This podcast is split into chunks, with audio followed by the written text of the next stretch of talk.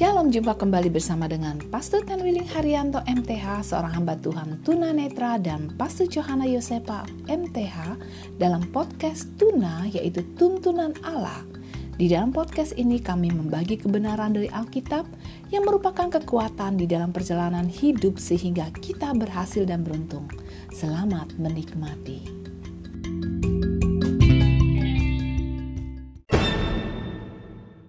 Shalom saudara yang berharga di mata Tuhan, bagaimana perjalanan hidup saudara pada hari ini?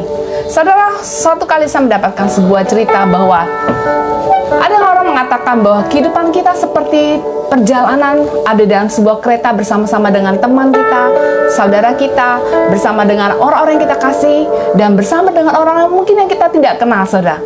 Tetapi di satu saat, mungkin ada saat yang tidak menyenangkan kita harus berpisah, orang itu akan berhenti di satu tempat perhentian saudara. Atau dengan kata lain, dia akan meninggalkan dunia ini. Satu hal saudara, Tuhan mau kita akan menikmati perjalanan hidup kita sementara kita menuju ke surga bersama-sama dengan orang-orang yang kita kasihi. Mari saudara, dalam perjalanan hidup ini kita mau menikmatinya bersama orang-orang atau teman-teman kita dan terus-menerus melakukan apa yang Tuhan mau dalam hidup kita. Yang kasih dalam Tuhan, saya berharap bahwa hari ini merupakan perjalanan yang menyenangkan ketika saudara bekerja, saudara kuliah, saudara belajar, ataupun saudara mengurus rumah tangga saudara dan usaha saudara sementara saudara sedang berusaha. Hari ini pasti ada banyak hal yang saudara jumpai. Sahabat yang baik di kampus atau di kantor, atau juga rekan bisnis yang baik maupun yang mengecewakan saudara.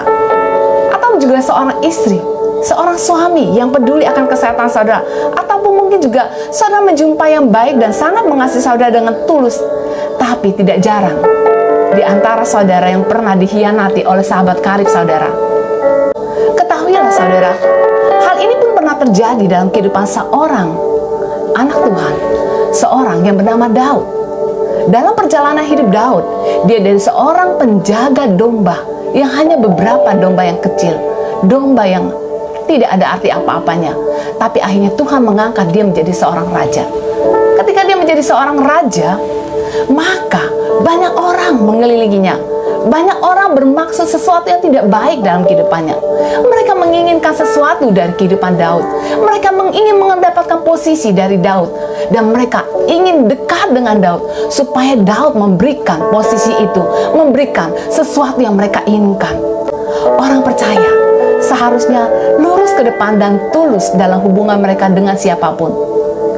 Jika kita dekat dengan orang-orang yang kita kasihi atau kita berada dengan orang-orang yang memiliki posisi, biarlah hati kita akan tetap tulus untuk menopang, untuk mendukung teman kita, saudara kita, sahabat kita untuk terus maju, bukan ingin mendapatkan sesuatu yang kita